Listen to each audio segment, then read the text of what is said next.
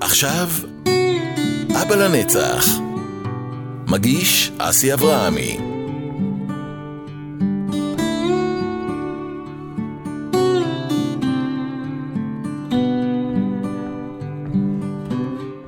שלום חברים וברוכים הבאים לפודקאסט שלי, אבא לנצח. תוכנית להעצמת אבות חד-הוריים, אבל לא רק. יחד נרכוש כלים, נרים את הערך העצמי שלנו, ניתן דוגמה אישית וננצח את הקשיים שבדרך למה שבסך הכל רצינו וחלמנו להיות, אבא לנצח. אז אני אסי אברהמי ואני אבא גאה לנצח לילדים אלופים. נפלתי וקמתי, נפלתי ושוב קמתי, והחלטתי להעביר את זה הלאה לכל אותם אבות שלא משנה לאן החיים הובילו אותנו, או כמה קשיים כלכליים, פיזיים, נפשיים, מנטליים יש בדרך, לא משנה אם אתם נשואים, גרושים, חד-הוריים, חד-מיניים, אנחנו לנצח נהיה אבות, ויש בהחלט כלים להתמודד עם כל משבר. כל שבוע נארח אורח, וביחד נדבר, נשתף, נתרומם. אם מצליח לעזור אפילו לאבא אחד, מבחינתי, עשיתי את שלי. אז בואו נצא לדרך. אבא לנצח. מגיש אסי אברהמי.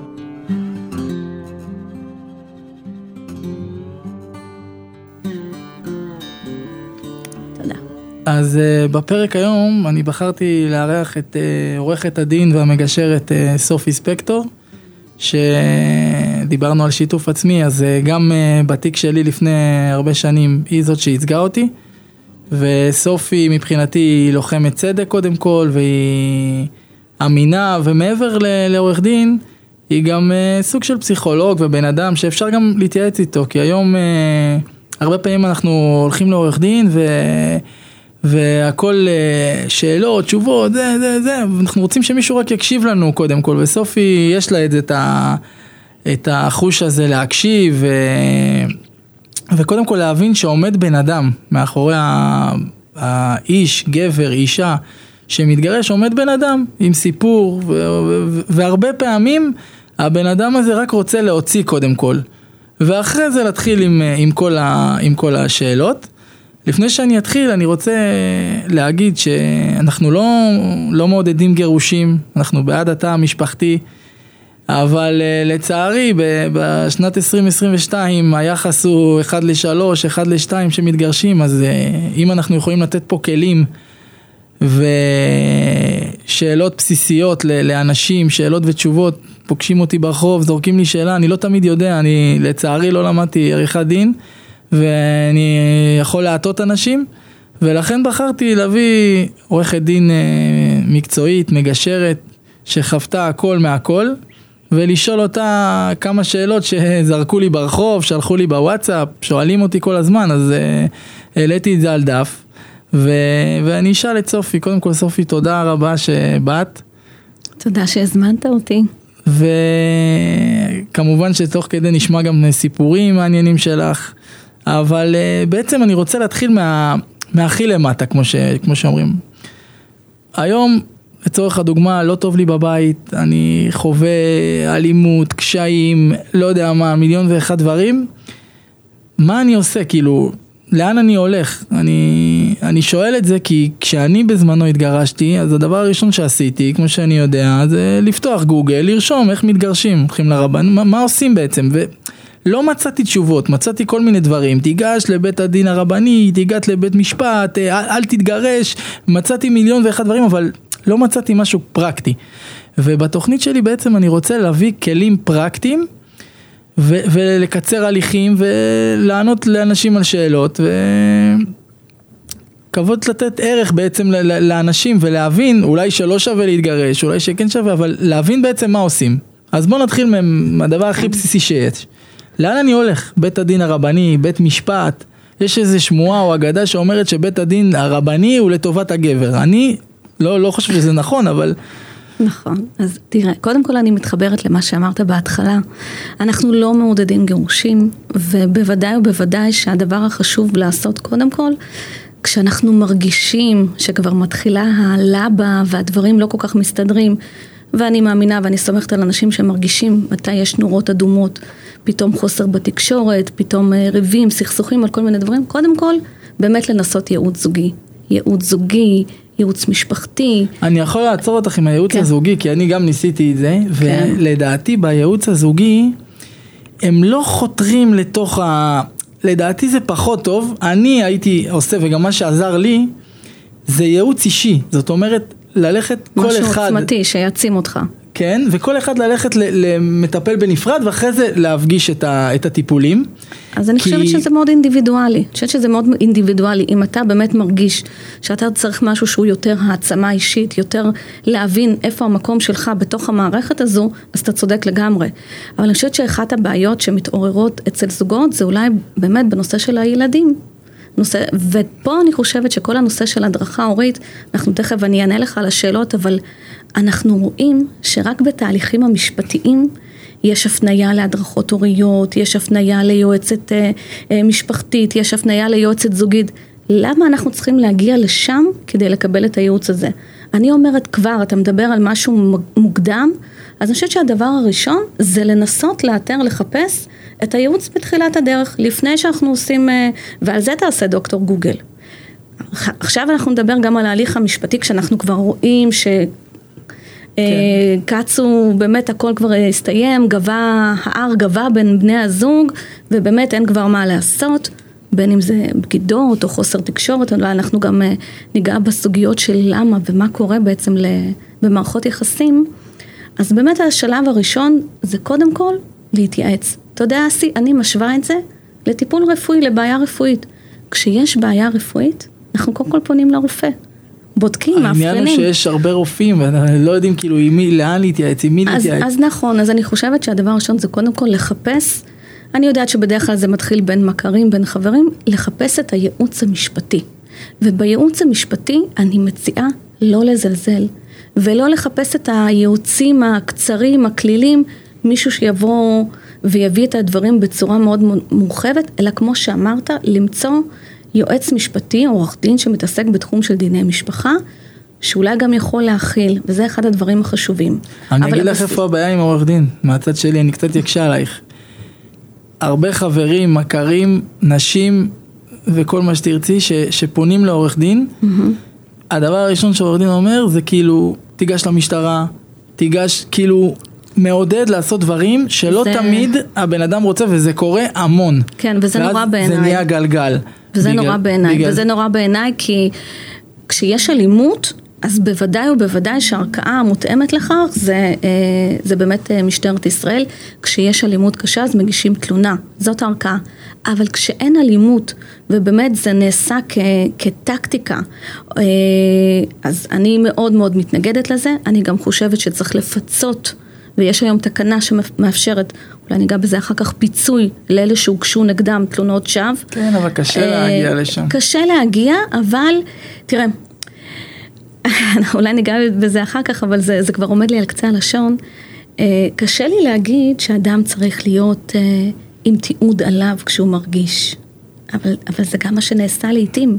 לעיתים אני יכולה להמליץ כשאני רואה שנוצרות פרובוקציות, כשמגיע אליי לקוח ומתחיל לספר לי אבל היא עושה ככה והיא מרימה את הקול ופתאום אה, האישה אומרת דברים כאלה ואחרים שאני מרגישה שזה פרובוקציה, יכול להיות שאני באופן אישי אמליץ לו, תשמע, תתעד את הדברים.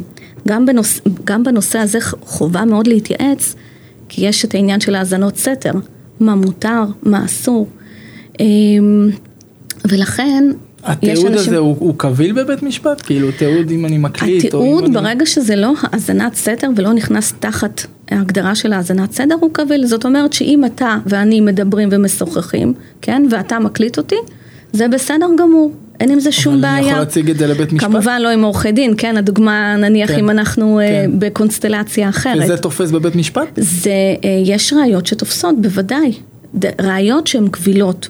וגם בעניין של קביל או לא קביל, אני תמיד מציעה להתייעץ, כי יש חוקרים, שזה התפקיד שלהם, חוקרים כלכליים, חוקרים שהם עוקבים, ואיתם אני ממליצה תמיד להתייעץ לפני, אותו דבר, לפני שאנחנו סוגרים עם עורך דין, לפני שאנחנו סוגרים עם חוקר, לפני שאנחנו סוגרים עם כל אחד כזה, להתייעץ ולראות ולשמוע את ה, גם את הביטחון שהבן אדם נותן וגם את המקצועיות, גם לברר עליו קצת.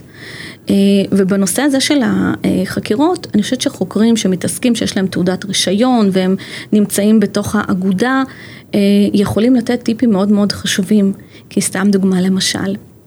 אה, היה לי תיק, תכף ניגע, נגיע לדברים הטכניים לאן מגישים, אבל אם כבר דיברנו על חוקרים, אה, אני העדתי בבית משפט חוקר, ובבית הדין חוקר, ובעצם אה, היה שם איזשהו נושא של בגידה, ש, שטענו שהלקוח שלי היה בגד וכולי, ואז הם הביאו תיעוד.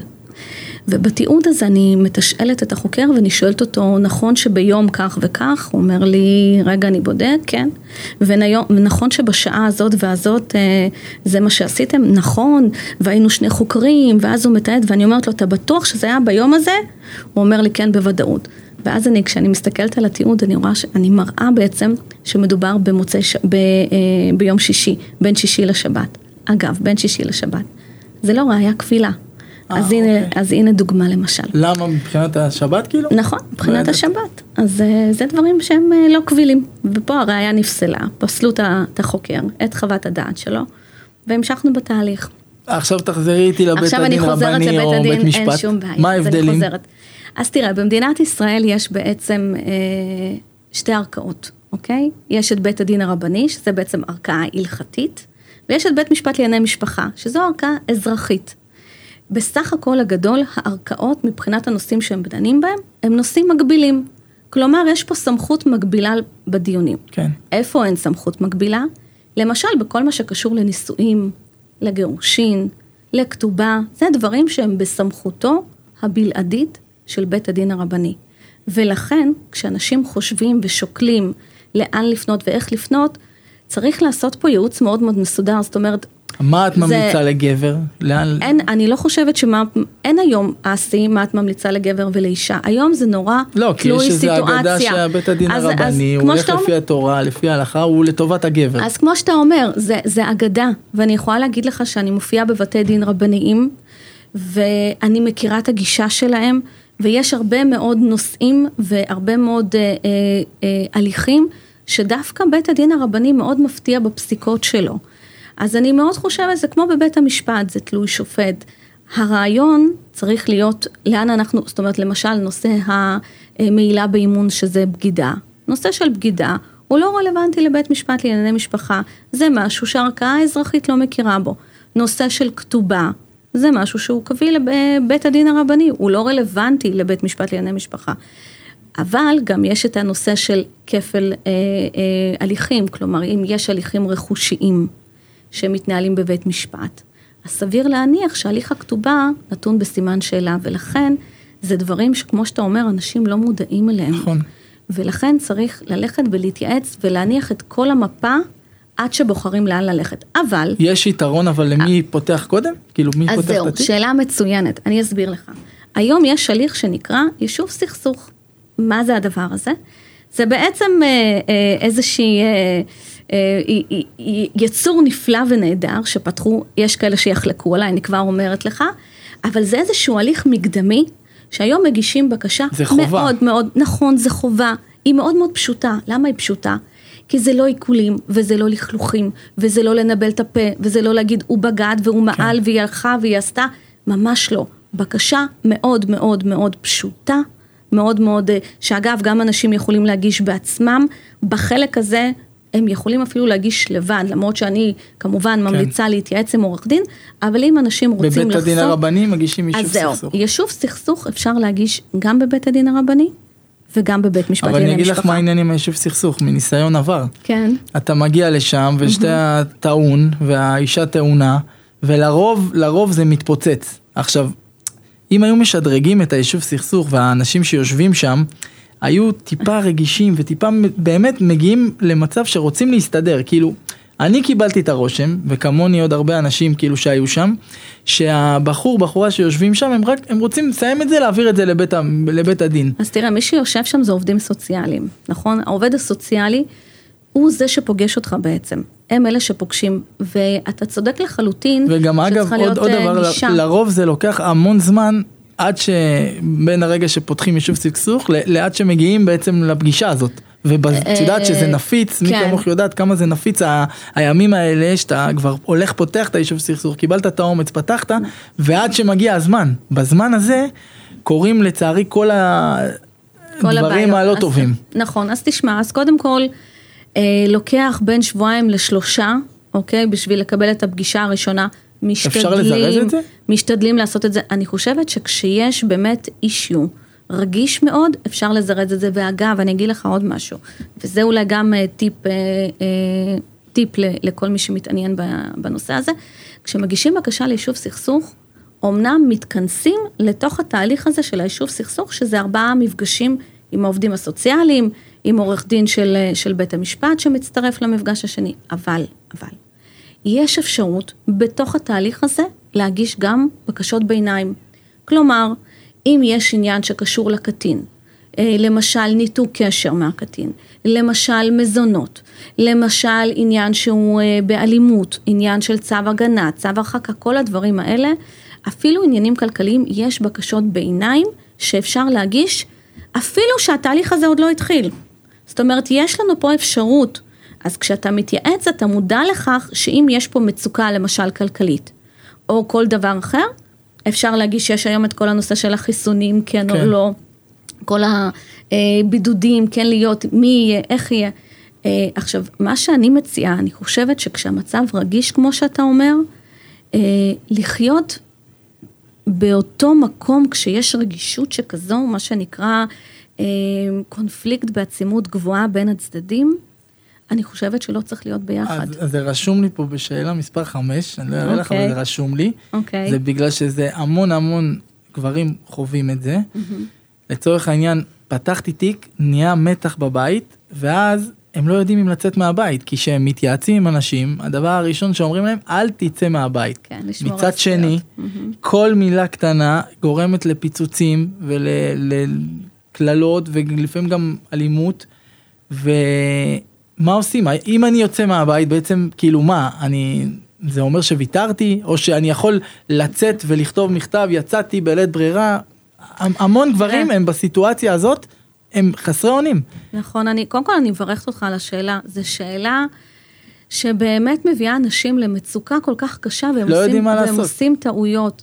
תראה, גם בית הדין, כן, וגם בית משפט כפופים לחוק יחסי ממון. חוק יחסי ממון אומר שכל מה שצברנו ביחד, ואני לא מדברת כרגע נניח על הסכמי, ממון, מה שצברנו ביחד, יחולק בסופו של יום חצי בחצי, ולכן שאלת הרכוש לא אמורה להיות זו שבעצם גורמת לבן אדם להחליט אם להישאר או לא להישאר.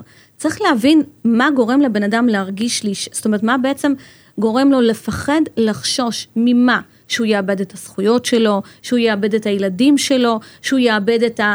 כל דבר. שמי, היום צריך להבין אני- מה אני בעצם לדוגמה- עומד מאחורי החשש הזה. אני אגיד לך מה החשש, כן. אספר על עצמי וגם למשל. שעוד דברים שקורים, אבל יצאתי מהבית, כן. ואחרי זה את רוצה לפגוש את הילדים, את צריכה להתנהל מול, ה... מול האימא של הילדים, וכאילו זה נהיה קשה. ואז היא גם לוקחת מן הסתם עורך דין, נהיה מלחמה, ומה היא טוענת? שהוא נטש את הבית. עכשיו אף אחד לא שאל אותי למה נטשתי את הבית, כי כבר היינו במצב של אש, של אלימות, לא יכולתי להישאר, ועזבתי. וכמוני יש כאלה שאו שהם נהיים מסכנים והומלסים ויושנים באיזה חדר במיטה של הילדים ובוכים שם בלילה, או שהם יוצאים ולוקחים את הסיכון הזה, כי, כי למחרת כמוך יש עורך דין מהצד השני, כן. שישר אומר הוא נטש, הוא עזב את הבית, ופונים עם זה לבית משפט ואנחנו מתחילים במינוס. אז תראה, אני אגיד לך מה דעתי האישית, כמובן. אני מדברת מהמקום שלי, מההנחיות שבדרך כלל אני נותנת ללקוחות שלי. אני חושבת שבן אדם צריך להרגיש בטוח. וכמו שאמרתי לך, יש בקשות ביניים. אצלי, אבל אם יצאתי מהבית, אני אם במינוס? יצאת מהבית, אתה, תראה, יש כאלה שיגידו, אלה שבאים ואומרים נטשת, אם אתה עוזב את הבית לתקופה, ואתה לא דואג לילדים שלך, ואתה לא דואג להם לקניות מזון, ואתה לא דואג להם לאוכל, ואתה לא שואל לשלומם, ואתה לא בודק מה איתם, אבל מן הסתם אין לך יכול שיח, אין לך שיח עם אמא שלהם, אז- או שאת פשוט אפשר לצאת ולהעביר כסף כאילו בלי, בלי מה, לדעת. שאני, אז מה שאני מציעה, ואגב, היה, היו לי המון מקרים כאלה בתקופת. הקורונה, עוד מה שנקרא, בשלבים הראשונים, בסגרים הראשונים, שהיה נתק מוחלט ואנשים כל כך הלכו לאיבוד, מה שאני הצעתי, קודם כל מבחינת המזונות, אנחנו לא יודעים מה סכום המזונות, כן או לא. אני הצעתי, תקנו סלי מזון, כן. את הדברים, את האוכל שהילדים זקוקים ואוכלים. אפילו לשים בחוץ, מחוץ לבית. לשים בחוץ, ובאמת, קודם כל להראות את הדאגה. מהצד השני גם אמרתי לשמור את החשבוניות ואת כן. הקבלות, כדי שבסופו של יום כשנצטרך להציג ראיות, ואתה יודע, בבית משפט ובבית הדין אין מה לעשות, בסופו של יום הראיות זה הדבר שיכול אה, אה, לשנות את, ה, את ההחלטה של אותו שופט או של אותו דיין. אז באמת לעשות מעשים. אני לא חושבת שזוג יכול לחיות תחת קורת גג אחת, זה לא בריא, לא לבני הזוג, ובעיקר לא לילדים. כי הילדים הם מרגישים וחשים בצורה מאוד מאוד מאוד אה, אישית ורגשית את המתיחות שיש בין בני הזוג, ואם זה זוג שרב ומתווכח ומקלל, אז באמת השאלה... זה לא, לא המקום. אבל אם זה זוג שיכול להחזיק מעמד והם מספיק בוגרים כדי לא לעשות את כל הוויכוחים והריבים מול הילדים, אז יכול להיות שכן שווה להחזיק מה שנקרא, אה, כן, לחוק את השיניים. זה לא קורה. אבל זה לא קורה. השאלה, אם, אם, אם ויצאתי מהבית, כן. לצורך העניין, איך אני פוגש את הילדים? הרי היא לא תדבר איתי, יצאת מהבית. כאילו, מה, אני יכול לקחת לי תקופה של שבוע, שבועיים, לא לראות אותם עד שכל ההליך של אני, ה... אני ממש לא בעד. הילדים זקוקים לשני ההורים שלהם, הם זקוקים לראות את אבא ואת אימא. אם אחד ההורים החליט לצאת מהבית, קודם כל, כמו שאמרתי, צריך להיות פה איזשהו הליך מקדמי. כלומר, זה דברים שחשים אותם, זה דברים שצריך כן. לדבר עליהם. לנסות לבוא ולשים... רוב הגברים שאני מכיר, כאילו, בגלל זה גם כן. יצרתי את התוכנית, הם לא מדברים. זה מגיע רק למצב שכאילו את כבר כן. בסוף, ואז אין לך ברירה. מתפוצץ. אין לך ברירה. כן. ו- ופה, מה שאני מנסה לעשות, גם בעזרתך וגם בעזרת עוד אנשים, זה בעצם לתת איזשהו שיח בלי שידעו שאתה אפילו מקשיב. כאילו, מספיק שבן אדם אחד שזה עזר לו והוא הקשיב, כן. והוא אמר, וואלה, אני יכול לצאת ולקנות סל מזון, זה דבר שאני לא ידעתי. כן. אז וואלה, נקנה את הסל מזון, נפתח את התיק, אני גם בסדר עם האישה, כי אני נותן כסף, כי לרוב זה, זה מלחמות על כסף. אז, אז כן, אני רוצה שתמשיכי אז, עוד בעניין הזה של אז ה... זהו, אז יש, ה, אז יש באמת את הנושא של השיחות טלפון. היום רוב הילדים שאני מכירה, אפילו בגילאים צעירים, כולם עם טלפונים, נכון. כולם עם פלאפונים, אז אפשר לייצר את השיח, ואני גם חושבת שגם אם אתה, גם אם גבר או אישה נמצאים, כמו שאמרתי, בעצימות מאוד מאוד גבוהה של קונפליקט, אני חושבת שעצם העובדה שיירשם אס.אם.אס או וואטסאפ בצורה לא מלחמתית ובין מילים יותר אה, רגועות, ואולי אפילו לבקש ממישהו אחר שיכתוב לי את ההודעה, ואני אומרת את זה להרבה מאוד נכון. לקוחות שלי, תיתנו למישהו כדי שלא יהיו נכון. שם אמוציות, תקשיבי, מה שקורה בינינו, זה בינינו, אבל בואי ניתן לילדים באמת את התחושה שאנחנו אוהבים אותם ואנחנו שנינו שם אה, עבורם. ואני חושבת שאני באמת רוצה להאמין שאין אימא ואין אבא שבאיזשהו מקום אף אחד לא רוצה שלילדים שלו יהיו שריטות, איך אומר חנן בן ארי, אה, מתוך, אה, מתוך המצוקה הזאת. אני בת להורים גרושים, אני חוויתי את הגירושים הכי מכוערים שיכולים להיות. ואני כל כך זוכרת, אתה מדבר על העצמה וכולי, זה דברים שאפילו היום אני עובדת עליהם. זאת אומרת, זה אף פעם לא מסתיים, זה אף פעם לא נגמר, אנחנו, אנחנו סוחבים את זה לאורך כל השנים שלנו, לאורך כל החיים שלנו. זה דברים שכל כך משפיעים. אז אני רוצה להאמין שאותה אימא ואותו אבא, שגם נמצאים בקונפליקט הכי הזוי שיכול להיות, והכי כואב שיכול להיות, ינסו לשמור על הילדים שלהם. אז כן, באמצעות וואטסאפים והודעות ואולי מיילים, ואפילו סרטוני וידאו, שזה הפך להיות... אני אשתף אותך משהו שאני עשיתי, גם בהתחלה כן. היה לי מאוד קשה לקבל את הוואטסאפים, והייתי חייב לענות, ומלחמה וזה, ואז, כמו שאת אומרת, אמרתי, רגע, רגע, אני לא רוצה לקרוא את זה, הייתי מקבל את ההודעה, וזה טיפ שחבר נתן לי, אולי מצחיק, אבל, ואז הייתי עונה, ורושם איזה, איזה עשר דקות אני רושם, mm-hmm. דברים נוראיים, כן. ורושם, ורושם, ורושם. ואז מוחק את הכל, ועושה עם היד וי, ו- וזה היה טוב, כאילו, כשאתה כן. לא עונה, כשאתה סופר עד עשר, זה כן. אולי קלישאתי, אבל זה כל כך נכון, לנשום, לספור עד עשר, ו- וכאילו, לא לענות ולענות בטוב. גם אם אתה מקבל רע, תענה בטוב. זה קשה, למה? כי אתה מתנהל מול מישהו, מישהי שמאוד כן. מכירה אותך ואת החולשות כן. שלך. והיא כותבת לך, את יודעת, בדיוק כן. את הדברים שאת לא רוצה לשמוע, ואת... אבל נוגעת בעקב אכילס. אני לא אגיד לך, אני עד, כאילו, ברור שלפעמים אנחנו נופלים וזה, אבל שאני, שמצליחים לא לענות, יש איזשהו ניצחון פנימי כזה, לא עניתי. לגמרי. וזה עושה טוב, וגם כן. הצד השני נרגע, נכון, נכון, אסי, זה, תדע לך שזה אחד הטיפים הכי גדולים שאפשר, ש- לת- שאפשר לתת, באמת, הלנשום הזה. זה אגב כלים שאני למדתי בגישור, ובגישור, אתה יודע, בגישור אתה נותן לאנשים קודם כל להוציא. אתה לא יכול לעשות גישור, ולא להגיע לא להסכמות, ולא להבנות, כשהדברים אה, ככה בבטן יושבים, ואנשים מאוד בלחץ, ומה הוא עשה, והיא עשתה, וכולי וכולי. אז קודם כל צריכים לתת לדבר הזה להשתחרר, לצאת. רק אחרי שזה יוצא, אפשר להתחיל לעבוד. אני אגיד לך מה, גם היום אנחנו בסוג של עידן כבר כמה שנים אחורה, לך יש ניסיון אה, יותר ממני, שהמון גברים רוצים לקחת חלק, שפעם זה לא היה. כן. היום גם אני מאמין שמגיעים אלייך ו... ואומרים איך אנחנו משיגים כמה שיותר זמן עם הילדים. ו- ולפעמים האישה חושבת שזה רק ממניע כלכלי, לא להפחית כן. במזונות, אבל זה לא נכון, באמת. זה לא נכון, אני המון מסכימה המון איתך. המון גברים רוצים יותר זמן עם, ה- עם, ה- עם הילדים, ו, ולדעתי צריך לשנות, לשנות איזה משהו, כי זה לא הגיוני שהגבר הוא גם ישנה מזונות שהם יחסית גבוהים, והוא גם יהיה עם הילדים כמעט כמו בזמן שהאימא עם הילדים, ואיך איך, איך אפשר? אז כאילו, אני, אני אגיד לך, קודם כל, התחושה הזאת כבר עוברת, ומה שנקרא, אה, מטפטפת גם לבתי משפט ולבתי הדין הרבניים. תראה, יש לנו פסק דין מוביל היום של, אה, נקרא 919, אה, 15, שזה בעצם אה, פסק דין של אה, בית המשפט העליון, שבא בא ומדבר על החלוקה השוויונית, ההורית השוויונית, אה, בין, אה, אה, בין הורים. ו...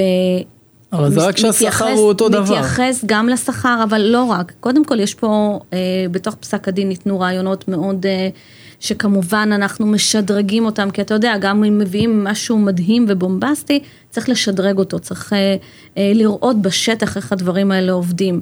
אז אה, נושא למשל של חשבון מרכז, חשבון משותף שמנהלים לטובת הילדים, ואז לא משלמים מזונות. ומשלמים רק את ההוצאות. היה לך לאחרונה שמ- מקרים של אפס מזונות? של משמורת משותפת אפס מזונות? כן, כן, כן, ספרי. בוודאי, בוודאי.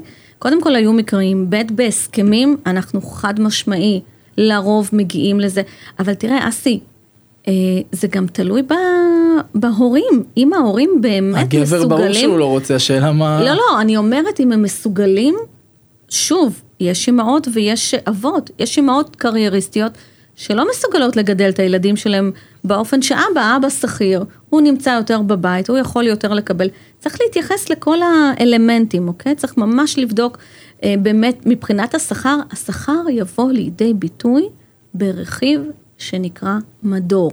מה זאת אומרת? זאת אומרת שאנחנו נשלם, אם החלוקה ההורית היא שוויונית, אוקיי? נניח, מה זה חלוקה הורית שוויונית? נניח בשבוע שילדים נמצאים עם האבא בשישי שבת, אז הם יהיו איתו פעמיים בשבוע, אוקיי? כולל לינה. נניח שני ורביעי. כן. בשבוע שהילדים נמצאים אצל האימא, האבא יקבל את הילדים שלוש פעמים בשבוע, נניח ראשון, שלישי וחמישי. תהיי מלינה. ואז עם לינה, ואז בעצם נוצר איזשהו שוויון. אני יכולה להגיד לך שהיום אה, המגמה בבתי משפט וגם בבתי הדין, שגם אם יש יום אחד שהוא נניח בשלושה ימים הוא ללא לינה, עדיין מתייחסים להורות הזאת כהורות שוויונית, הורות משותפת. ואגב, אבל לא שמעתי על הרבה שקיבל- שכאילו לא משלמים מזונות. אז אני אגיד לך מה הם לא, הם משלמים את ההוצאות בצורה שוויונית, אוקיי? שזה חינוך, רפואי, בגדים, הכל, חצי חצי, והמזונות בעצם זה הרכיב של המדור, זאת אומרת ש... אתן לך דוגמה. אם למשל האישה משתכרת סביב ה-7,000 שקלים, אוקיי? הגבר משתכר נניח, לא יודעת, 13,000 שקלים, 14,000 שקל, כן. אוקיי? ואז בעצם בוחנים את ההוצאות של האישה, נניח היא אה, משלמת משכנתה, אוקיי? אז בודקים אחרי התשלומי חובה שלה, משכנתה, נניח ארנונה, חשמל מים, כמה נשארת לה היתרה. ואז בודקים אצל הגבר, כמה נשארת לו היתרה. ואז עושים איזשהו איזון בין היתרות, בין מה שנשאר, עושים את זה? בטח שעושים את זה. בתי משפט היום נוטים בהחלט לעשות את, ה, אה, את, ה, אה, את החישוב הזה, כי אחרת אי אפשר לקבוע. פעם היו שרירותית זורקים מזונות, אוקיי? כן. שרירותית ילד היום עולה, לא יודעת, 1,300 שקלים, 1,400 שקלים, 1,800 שקלים, תלוי גם ברמת החיים, אוקיי? ותדע לך, אסי, שאני למדתי שדווקא בחלוקת הוצאות, לפעמים לא שמים לב ומשלמים אפילו יותר. מה מה לוקחים בח- בחלוקת תוצאות? בחלוקת הוצאות לוקחים את הנושא של הבגדים, את הנושא של... איך, ה- איך, איך אה, בודקים את זה? כאילו, מה? רואים קודם כל מה, איך היו, אה, מתנה, איך אוקיי. הזוג היה מתנהל עד כה. כן. ואם יש דברים, אם למשל חוגים, יש לפעמים בגדים לחוגים, יש אה, שחייה, יש ציוד שחייה. באמת בודקים, יש אה, בתי ספר... כל אה, דבר חצי חצי, כאילו. כל דבר חצי חצי, כן. יכול להיות שלפעמים דווקא בהסכמים אנחנו יכולים להגיע למשל, אה, אם הם לא מעוניינים לשלם, או יש קושי בתשלום של מזונות, וזה משהו שאני יודעת שיושב כאיזה ככה על העורף, וואי, אני צריך לשלם מזונות. לא, אז אפשר, קודם כל אני משתדלת לשנות את ה... את המונח הזה, בכלל המינוחים משתנים, נכון. ואני בעד לשנות את המינוחים. קודם כל המילה גרוש זה גם מילה כואבת. זה מילה כואבת, אבל אנחנו גרוש, מדברים- גרושה, עזבי את המונחים לרגע, זה כאילו כן. משהו לא בסדר, דיברנו על זה, דיברתי על זה לפני זה עם, אה, עם עמרי, ובאמת זה גם, זה כאילו סוג של אה, בושה, אתה גרוש, כאילו שמים לנו תווית, וגם לאישה. זה- כבר אנחנו בעידן שאנחנו אחד לשתיים אה, יש לא חיים ביחד כל כך וצריך הרבה, היום אנחנו במשפחות כל כך אה, מורכבות וחדשות, ואבא ואבא ואימא נכון. ואימא, וכל כך הרבה קונסטלציות, שהנושא של פרוד וגרושה זה כבר אה, הופך להיות, שוב, אני חיה את המטריה, אז אני רואה באמת כל כך הרבה... אבל אין. שיח לשנות את המילים כמו שאת אומרת אז זהו, אז מזונות תראה, אז גירושים. למשל, משמורת כבר לא קיים, אוקיי? יש היום אחריות הורית. שני ההורים, חוץ מזה ששני ההורים אפוטרופסים של הילדים, אז שני ההורים הם באחריות הורית משותפת על הילדים. מה זה אומר? זה אומר ששנינו זכאים לכרטיסי מכבי, או כללית, כן. או כרטיסים רפואיים. זה אומר שאנחנו זכאים להיות בכל הקבוצות של, ה, של הילדים. נכון. שאגב, אחד הטיפים... בזמן שלי לא היה את זה, אני נלחמתי על זה, הייתי צריך לכתוב מייל לבית ספר וזה כדי שיעדכנו אותי. אז היום הם חייבים לעדכן אותך. כמובן שאתה צריך לבקש את זה, אבל היום אפשר להיות בכל הקבוצות, ואגב, דיברנו בהתחלה על טיפים, הנה עוד טיפ אחד. תהיו שותפים בתוך הקבוצות, שהמורים יכירו אתכם, שהרופא של הילד יכיר אתכם. להיות חלק מהדברים האלה, לפעמים מגיע אליי לקוח, ואני שואלת אותו באיזה כיתה הילד, והוא מגרד בראש. אני שואלת אותו איך קוראים למורה, הוא אומר לי, תקשיבי, אין לי מושג. אני שואלת אותו, האם פעם הצטרפת לטיול, לשיח, ליום הורים? לא, מה פתאום, זה לא התפקיד שלי. אז אני אומרת, אוקיי, כן. אז מעכשיו זה התפקיד שלך. ואגב, זה בסדר לקבל את האחריות הזאת ואת התפקיד הזה כשמחליטים להיפרד ולהתגרש. אין בזה שום דבר פסול. שום דבר פסול, אז יכול להיות שעד עכשיו יותר דאגתי לכלכלת המשפחה, יכול להיות שעבדתי יותר שעות. עכשיו זה עצוב הדברים להגיד משתנים. את זה, אבל אה, לרוב גברים אחרי הגירושים נהיים אבות יותר פעילים אה, וואו. מאשר שהם היו בזוגיות, כן, נכון. אבל זה... זה נכון, זה, זה נכון, אסי. בעל כורחם, אין מה לעשות. נכון, ואז מגלים את הילדים מחדש. אתה יודע, בקורונה, אה, אנשים נשארו בבתים. עכשיו, אין ספק שהיו הרבה יותר מקרים, כן? כשאנחנו פתאום בבית, פתאום אנחנו מגלים את הזוגיות שלנו, האם היא קיימת או לא קיימת, יש שיח, אין שיח, יש שותפות, אין שותפות. הילדים שלנו, פתאום הם נמצאים שם, ו-24 שעות, ואז אנחנו אומרים, וואי, כבוד גדול למורים, איך הם מחזיקים נכון, מעמד. כולם. אבל, אבל כן, כשאנחנו נמצאים בסיטואציה חדשה, אנחנו מקבלים ארגז כלים חדש ולומדים, וזה בסדר, אתה יודע, אנשים לפעמים מגיעים אליי, כמו שאתה אומר, עם אשמה, עם תחושות לא טובות, לא הייתי שם, לא קרה שום דבר. זה לא היה, אוקיי, אנחנו פותחים עכשיו דף חדש ומתחילים, אה, ומתחילים מההתחלה והכל בסדר. עכשיו מעניין אותי מאוד, אה, היה מקרים שאצלך שגבר ביקש את המשמורת וקיבל אותה ולא לא בגלל שהאישה הייתה בלי מסוגלות, פשוט כי הגבר היה נוכח יותר לפני והוא גם אחרי זה, זה יש מצבים כאלה? אה, יש מצבים. אני דווקא רוצה לספר לך על משהו שהוא, שהוא סיפור מעניין. אה, היה לי לקוח שהכיר מישהי, ומהיכרות כזאת אה, של, אה, היכרות מה שנקרא זמנית, היא נקלטה להיריון. הוא ניחם אותה, היא בדיוק נפרדה מהערוץ שלה, היה שם איזשהו סיפור, ניחם אותה מה שנקרא יותר מדי. כן. ומהניחומים האלה אה, היא נכנסה להיריון.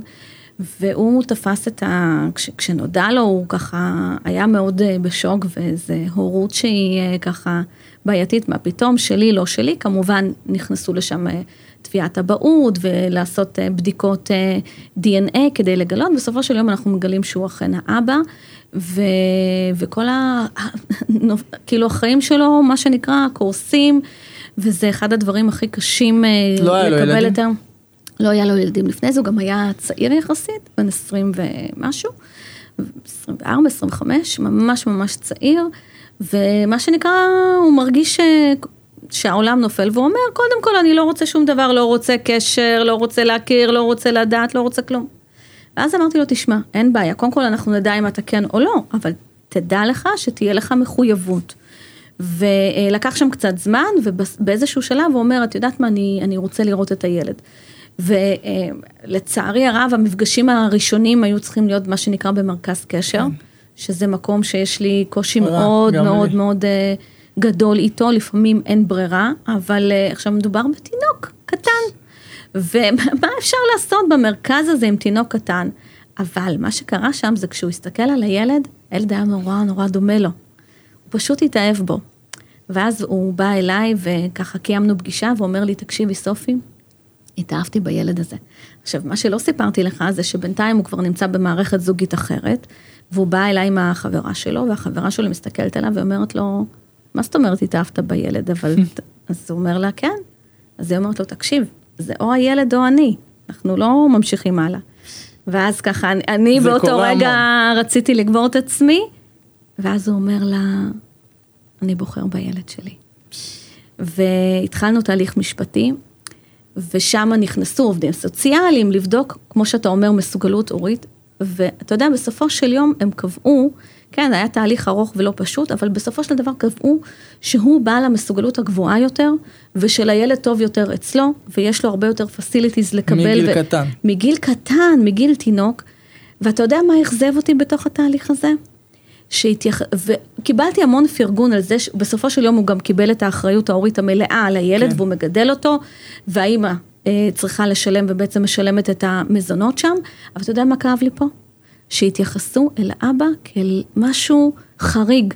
כלומר, אצל האימא הוא יכל לגדול באופן טבעי, אבל את, את האבא היו צריכים לבדוק ולבחון שתי וערב, האם יש לו מסוגלות. ופה, באמת, לי נורא כאב אני- הנושא הזה, למה צריך להתייחס נכון. לאבא? האבא יכול לחתל ולטפל ולהיות אחראי, והוא מגיע, באמת, הוא היה אצלי לפני, אה, הילד היום בן אה, שש, משהו כזה, והוא היה אצלי לא מזמן, הוא הגיע אליו מתוק ומטופח וחמוד, והכל בסדר. אבל זה בדיוק. הדברים שאני רציתי לדבר עליהם ולעשות את השיח הזה, כי היחס לגבר הוא כאילו, הוא שונה, ולמה זה עצוב? כי כשאנחנו בתוך נישואים ובתוך הקשר, אז, אז רוב האבות, אני מדבר על עצמי, כן. אני אבא מושלם, לוקח את הילדים כל יום ומחתל ומאכיל, ופתאום כשאתה כאילו מתגרש, אתה נחשב בעיני הרווחה ובעיני כולם, כאילו, לא, אתה לא מסוגל, רגע, אני עד, עד אתמול עשיתי את הכל יותר מהאימא. כן. יותר מהאימא, כבודה במקומו מונח כמובן, אבל אני, אני גם יכול, אני גם, וגם גם בסיפור שלי, הייתה צריכה פקידת רווחה להגיע הביתה, לבדוק את הבית, לבדוק את נכון. המיטות, לב- הרגשתי כמו, כאילו, רגע, מה, מה, מה הקטע, מה, זה לא בסדר? זה, זה היה לא נעים. כן, זה היה לא נעים, קשה. וזה, וזה, הרבה אבות בדרך נשברים ו, ומוותרים, ו, וכאילו, אני אגיד לך איפה הבעיה. הבעיה היא שכשזוג לא מצליח להגיע להבנות ולהסכמות, הם בעצ- בעצם באים לבית המשפט או לבית הדין והם אומרים, מגישים תביעה, תביעת אה, אחריות הורית, או, או מה שקראנו לה בעבר משמורת, תחליטו בשבילנו, זה מה שזה אומר. אם אתם לא נכון. מצליחים להגיע להבנות, אבל אתם מי הוא נותנים אותו למישהו- שופט שיכול לדעת אז אותו מי אני שופט, כאבא? הוא לא יכול לדעת, זה בדיוק העניין, הוא לא יכול לדעת, ולכן יש לו מה שנקרא זרועו הארוכה, שזה בעצם אה, אה, משרד הרווחה, פקידי סעד והעובדים הסוציאליים, שאמורים לעשות את התפקיד הזה עבורו, ולבוא ולתת לו איזשהו תזכיר, שלא תמיד התזכיר הזה באמת אה, משקף נכונה את הדברים. וגם הוא נמרח הרבה זמן. והמון זמן, תקשיב, יש לי היום מקרה, היום תיק, אנחנו מדברים, שכבר ביקשו 45 ימים דחייה, ואחר כך ביקשו עוד 45 ימים דחייה, ואחר כך אה, בידודים וקורונה וכולי, ואנחנו מתעכבים עם התזכיר הזה באופן שהוא לא הגיוני בכלל. אוקיי? ובסופו של דבר, כשמגיע התזכיר, אז בית המשפט אמור להישען על התזכיר הזה. עכשיו, כשאנחנו מבינים שזה לא תואם ולא מתאים, אנחנו מבקשים לחקור את אותו עורך התזכיר ולדעת למה הגיעו למסקנות האלה, אבל בינתיים, באמת, אם אנחנו לא נפעל יישום המפגשים וכולי, יכול להיות שהוא לא שייווצר, יראה. שהוא לא יראה, כן, שהוא לא יראה וייווצר הנתק, ובגיל מאוד מאוד צעיר אסי, זה חמור קשה. מאוד הניתוקים האלה, ממש. אני רוצה לשאול אותך שאלה שכל יום שואלים אותי, כמעט כל יום. כן. אם הגבר הגיע עם בית לפני הנישואים, אוקיי. התחתן, התגרש, לא הסתדר, הבית הוא, הוא חצי בחצי? כאילו, הבית הוא נקנה לפני הנישואים. אז תראה. אני מדגיש. אוקיי, אז ככה. אז קודם כל, דבר ראשון, נותנים טיפ, אוקיי? כשזוג מחליט להתחתן, ולצדדים יש רכוש או נושאים הסכם ממון, וכולי, כן, היום קודם זה... כל, זה... קודם כל לעשות הסכם ממון, לא לפחד מהסכם ממון, אנשים אמרו לי, מה, אנחנו בתקופה, ופפי נכון. לוי, והכל טוב, ופוצי מוצי, ומה פתאום עכשיו הסכם ממון? אז כן, ממש הסכם ממון, והיום זה כבר באמת, זה הפך להיות לשגרה ולשיח.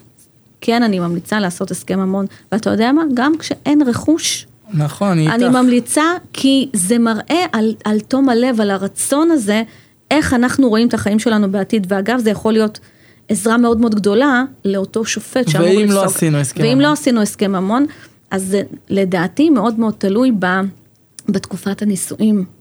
זו שאלה מאוד טריקית ומאוד מעניינת, זה נורא נורא תלוי, אין פה א' ב', בגדול רכוש שהגיע לפני, שייך למי שבא איתו, אוקיי? אבל אם אנחנו גרים בתוך הבית, ואנחנו משבחים את הבית, ונניח עשינו מטבח, והחלפנו חלונות, יש פה השבחה, מאיפה ההשבחה הזאת נוצרה? האם היא נוצרה מההון המשותף?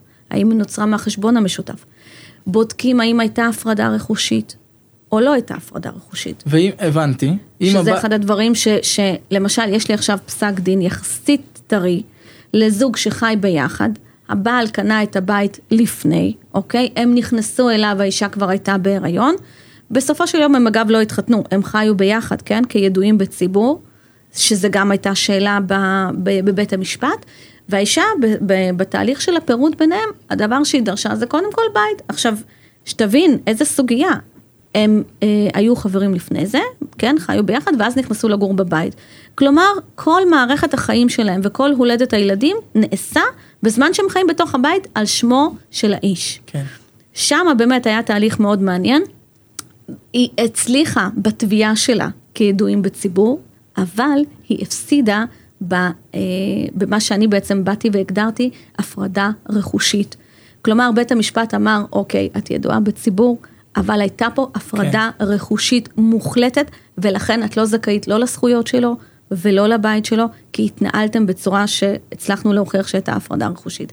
אז זה מאוד מאוד מאוד תלוי, ואני חושבת שאם אנשים מגיעים, שוב, מתייחסים לתקופת זמן המגורים, מתייחסים להשבחת הנכס, וצריך לייצר איזשהו ואם פתרון. לצורך האיש- העניין הגבר או האישה הגיעו עם בית לפני הנישואים, ומכרו את הבית תוך כדי נישואים, ובכסף הזה קנו בית יותר גדול, אז זה כאילו, בית ו- זה כבר, זה כבר אני שייך אגיד לך משהו, אסי, ברגע שהנכס, כל נכס, בית, רכב, חלקה, כל דבר, ברגע שזה רשום על שם שני הצדדים, זה, יש, זה רק מראה אבל, על אבל הרצון. יש אפשרות כאילו לקנות בית, לצורך העניין, שהוא יהיה רשום על אחד מבני הזוג, גם שהם נשואים?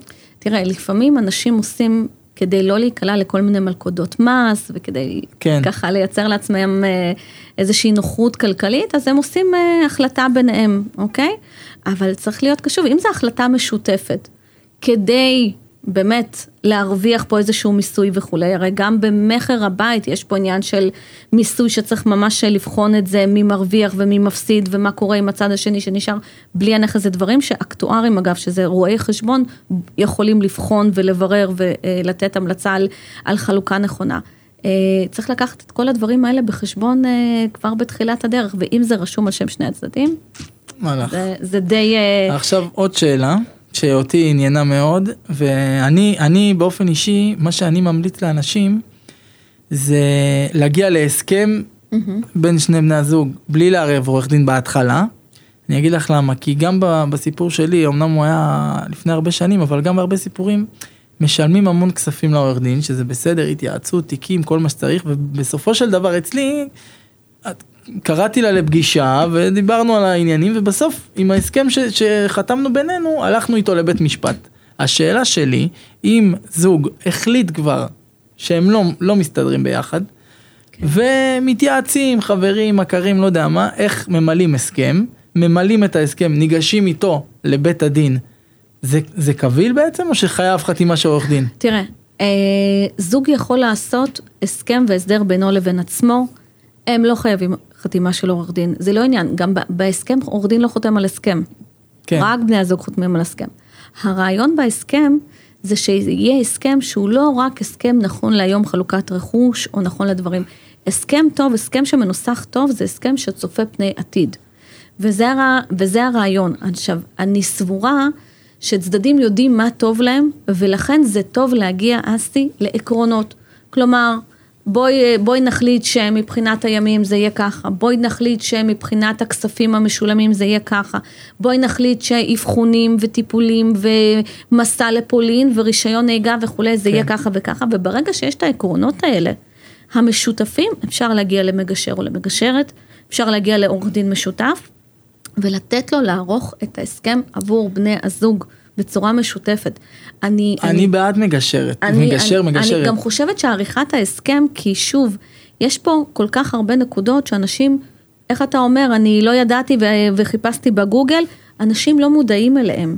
אז כן שווה ללכת, כמו שאמרתי בהתחלה, לקבל ייעוץ טוב. אני חושבת שפה טמון, טמונים הרבה מאוד יהלומים. ברגע שאתה מקבל ייעוץ טוב... אני אגיד לך מה הבעיה אבל עם הגישור. אני בעד, כמו שאמרתי, בעד הסכם, בעד גישור. עורך דין שהוא ינסח את ההסכם ויעשה הכל מבחינתי, כן. זה, זה הכי טוב, גם מתחלקים בתשלום לעורך דין. אני, כי הוא גם תופר לכם את החליפה, אף אחד לא יושב ולא מחליט. אני אגיד לך איפה העניין פה, בדיוק.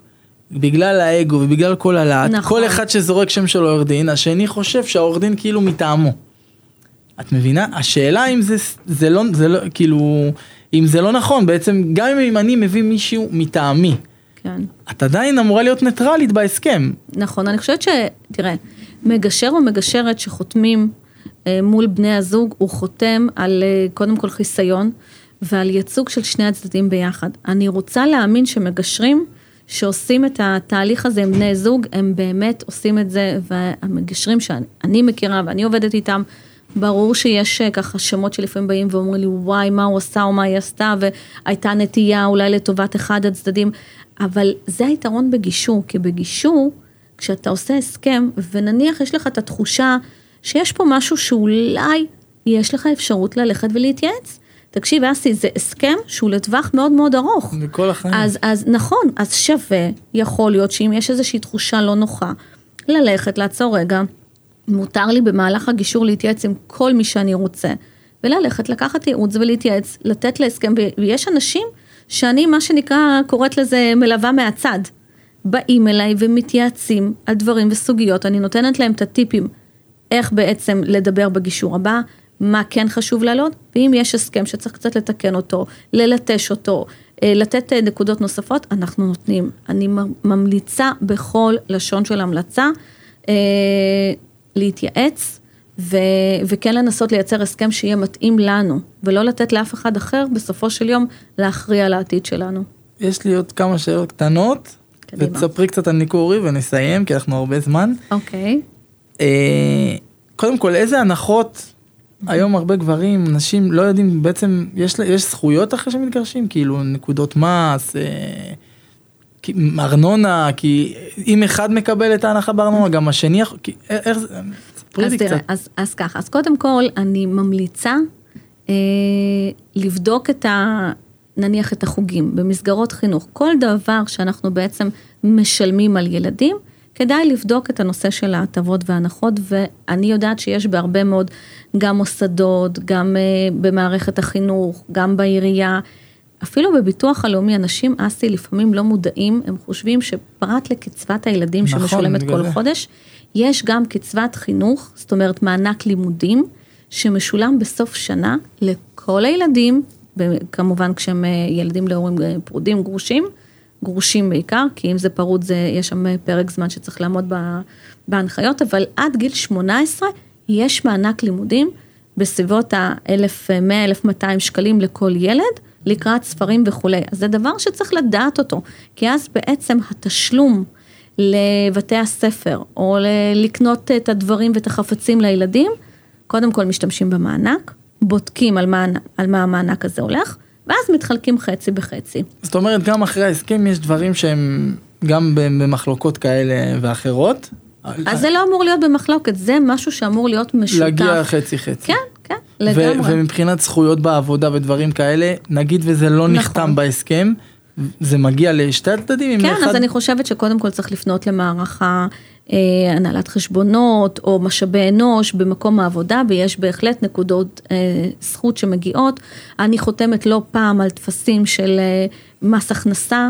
אה, לטובת אה, האנשים, האנשים באים, יש איזשהו תצהיר שצריך לאמת אותו, ובעצם מקבלים נקודות זכות על תשלום של, של אה, מזונות. לא, נפגש עם הרבה אנשים גם מבוגרים שפתאום קיבלו איזה קרן השתלמות או זה, וצריכים לשלם חצי מהקרן השתלמות למרות שהם גרושים כבר עשר שנים. אז תראה, אז יש פה, זה נקודה נורא חשובה, היא, היא לא קשורה לזה, היא קשורה לחלוקת הרכוש. כי בעצם כשאנחנו עושים חלוקת רכוש, אנחנו מתחלקים באקטואר או רואה חשבון, או שאנחנו עושים את, את, ה, את החלוקה הזאת בצורה משותפת, יש בעצם את הנושא של הזכויות הסוציאליות, אוקיי? מה שצברנו עכשיו. אנשים לפעמים, יש לי עכשיו למשל לקוח שאמור לחלוק עם הגרושה שלו, אה, שהמערכת יחסים הסתיימה בצורה מאוד מאוד לא נעימה ולא יפה, הוא צריך לחלוק איתה ימי מחלה מאוד מאוד מאוד אה, ארוכים שהוא yeah. צבר והוא לא יצא לחופשה והוא שמר את הימי מחלה והוא אמר בתקופה מסוימת ונצא לפנסיה וכולי ואנחנו כן. נחגוג לפני זה ויהיה כן. לי ויהיה כסף זה המון המון המון כספים.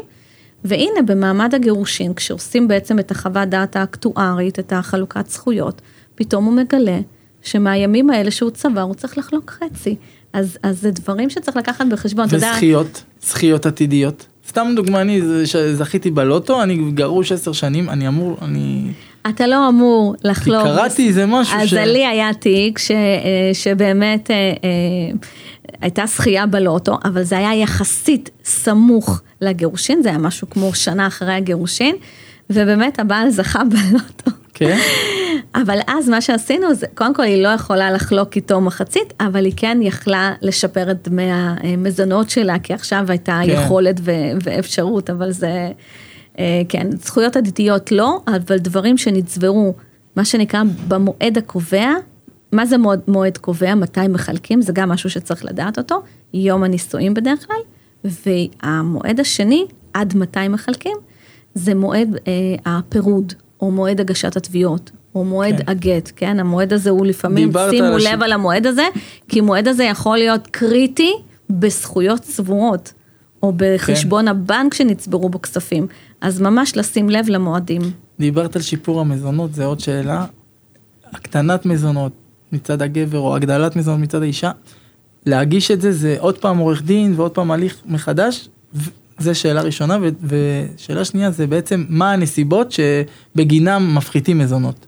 כי יש כמה נסיבות ש... אוקיי, okay. אז קודם כל, אה, נושא של אה, שינוי מזונות יכול לבוא בדרך כלל בשינוי נסיבות מהותי. ואגב, הולדת ילדים נוספים לאו דווקא נחשב נכון. כשינוי נסיבות מהותי, למרות שההוצאות אה, גדלות. ההוצאות בוודאי גדלות. עכשיו, היום אה, יש הרבה מאוד הליכים שהמזונות משתנים בעקבות אותו פסק דין שאמרתי קודם, בגלל החלוקה השוויונית. כי היום ברגע שיש חלוקה שוויונית אה, מבחינת הסדרי השהות של האבא עם הילדים או של האימא עם הילדים, אז בוודאי ובוודאי שהמזונות, ופה למשל המזונות יכולים להגיע ל... איך אמרנו? לאפס, אבל לא הוצאות. אז זה אחד הדברים שצריך, כשאנחנו מדברים על אפס מזונות, זה לא אומר שמפסיקים כן. לשלם, זה אומר שהתשלום נקרא היום אחרת, או משלמים את זה באופן אחר. אין, אין אפס מזונות, אין דבר כזה. ובמקרה שהאישה מתחתנת פעם, פעם שנייה. שנייה, אז אם אישה מתחתנת פעם קורה. שנייה למשל, ואז יש בן זוג שעובר לגור איתה, אוקיי? אז פתאום החלוקה בתוך הבית היא משתנה. עכשיו כבר אה, יש מישהו נוסף ואותו אבא שמשלם לצורך הדוגמה מדור, הוא לא אמור לשלם על הבן זוג של האישה, עם כל הכבוד. ואז אפשר לפתוח את התהליך הזה ולהפחית מזונות. יש לי פסק דין גם לא מזמן, בית משפט אה, לענייני משפחה, שהמזונות פחתו בגלל שהגברת הביאה אה, בן זוג חדש לבית. אז, אז בחנו את השאלה הזאת והמזונות הורידו אותם כמעט ב-35 אחוז. עכשיו אנחנו בסוף, שמרתי את זה טיפה לסוף, למרות שאני לא אוהב לדבר על זה, אבל זה קורה כל יום, מדבר על ניכור הורי. וואו. איך אני יכול למנוע את זה? גם אני חוויתי את זה תקופה, וברוך השם עברתי את זה, אבל הסתה של אחד מבני בדיוק. הזוג על הילדים, אז תראה, בוא נעשה קודם כל סדר. הנושא של הניכור ההורי, אגב, זה תחום שמאוד מאוד מאוד אה, קרוב אליי ו- ו- וקשור אליי, ואני מתעסקת כבר כמה שנים באמת במטריה הזאת, ויכולה לתת המון המון טיפים, כולל כנסים ועבודה עם צופית גרנד שהעלתה ברמה התקשורתית את, ה- את הסוגיה הזאת. צריך לעשות הבדל, אסי, אנשים היום משתמשים במושג הזה של הניכור ההורי, מה שנקרא בכל יום. על כל אז דבר. על כל דבר, וזאת טעות. כי זה יכול להיות סרבנות קשר, וזה יכול להיות כישלון קשר, וזה יכול להיות ניתוק בגלל סיבות מוצדקות, אוקיי? זה לא ניכור הורי. יש כאלה שבאים ואומרים לי, תקשיבי, קיבלתי רק וואטסאפ אחד, והילדה ביום שישי החליטה שהיא לא עושה איתי שבת, היא תחזור רק ביום שבת. זה לא ניכור אבל הורי. אם הילד לא רוצה ניכור- לבוא לאבא זה, הוא- זהו. הוא לא רוצה זה. אז, אז קודם כל, ניכור זה כשבעצם יש, איך אמרת? הסתה. אין בכלל קשר. הקשר הוא אפסי. לא בהודעות, לא בוואטסאפים, לא בטלפונים. אתה רואה טלפון של עשרות הודעות, נניח מהאבא לבן שלו, ואפס אה, תגובות, אוקיי? אפס תגובות.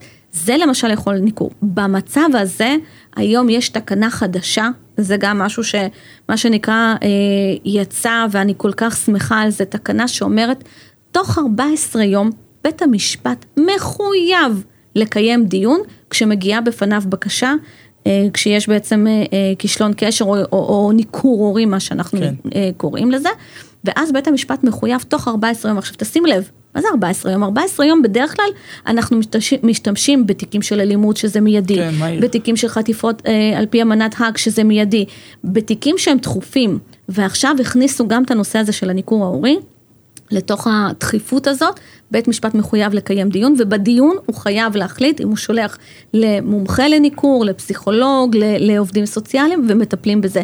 כי הזמן הוא קריטי ביותר. ואם אנחנו אה, מושכים את הזמן ולא מטפלים בזה מיד, הניכור יכול להיות אסון, ואני מטפלת בתיקים של חודשים ושנים, והמקרה הכי ארוך זה 20 ומשהו שנה, שהיה נתק, אז, אז באמת צריך לטפל בזה מיד, ויש היום גם, אה, אני אה, אה, מעודדת ונוסעת אפילו לכנסת ונמצאת בווע- בוועדות שמקדמות בעצם את הרעיון שהנושא של הניכור ייכנס לחקיקה, ואני מאוד מקווה שגם זה ייכנס לחקיקה וגם שיהיה מענה מטעם המדינה, שגם המדינה תממן, כי הטיפולים האלה בניכור אצל המומחים, הם עולים הרבה מאוד כסף, ולא כל אחד יודע לטפל בניכור. סופי, ענית לי כמעט על כל השאלות, יש עוד אה, מלא. שאלות, אבל אה, אה, איך מגיעים אלייך? פייסבוק, אינסטגרם? אה, כן, אני חושבת שאפשר, אה, קודם כל, יש לי דף עסקי בפייסבוק, שאפשר, אה, אגב, להיכנס אליו, עורך הדין סופי ספקטור בעברית, ולקרוא ולראות. אני משתפת המון מבתי משפט, מוועדות, מכל מקום אני משתפת, אז אפשר באמת למצוא שם הרבה עניין וגם הרבה תשובות לאנשים שמחפשים. באינסטגרם הדף קצת יותר ככה לפן, אבל גם שם אני מעלה מדי פעם. והמשרד שלי בחיפה, וכמובן שאפשר אה, לפנות אליי ב, אה, בטלפונים שמפורסמים, אה, אין שום בעיה, אני עונה בכיף. יש לי אתר שאפשר להיכנס אליו וגם לקרוא מאמרים, ויש שם כזה נקודת וואטסאפ שאפשר לשלוח הודעה, יפה. אז אה, כן. קודם כל תודה רבה רבה שבאת, ענית לי על שאלות. תודה לך, אני מקווה שבאמת, איך אמרת בהתחלה, אם אנחנו עוזרים לפחות למישהו אחד נכון. ונותנים לו איזשהו כיוון והכוונה והכלה, אז אה, עשינו את שלנו. תודה. הסתיים הפרק ואני רוצה לבקש מכם משהו. אם מצאתם ערך בשיחה של היום, אם לקחתם אפילו משהו קטן, אנא מכם, שתפו אותו עם אחרים ותחלקו אותו אפילו עם אדם אחד, חבר, בן משפחה, שזה יכול לעזור לו, כדי שנוכל לייצר פה משהו טוב יחד. ואם בא לכם לכתוב לי שאלות, שיתופים, בקשות, אז בלי להתבייש, תשאירו לי הודעה באינסטגרם או בפייסבוק, אסי אברהמי, ואני אחזור אליכם בשמחה.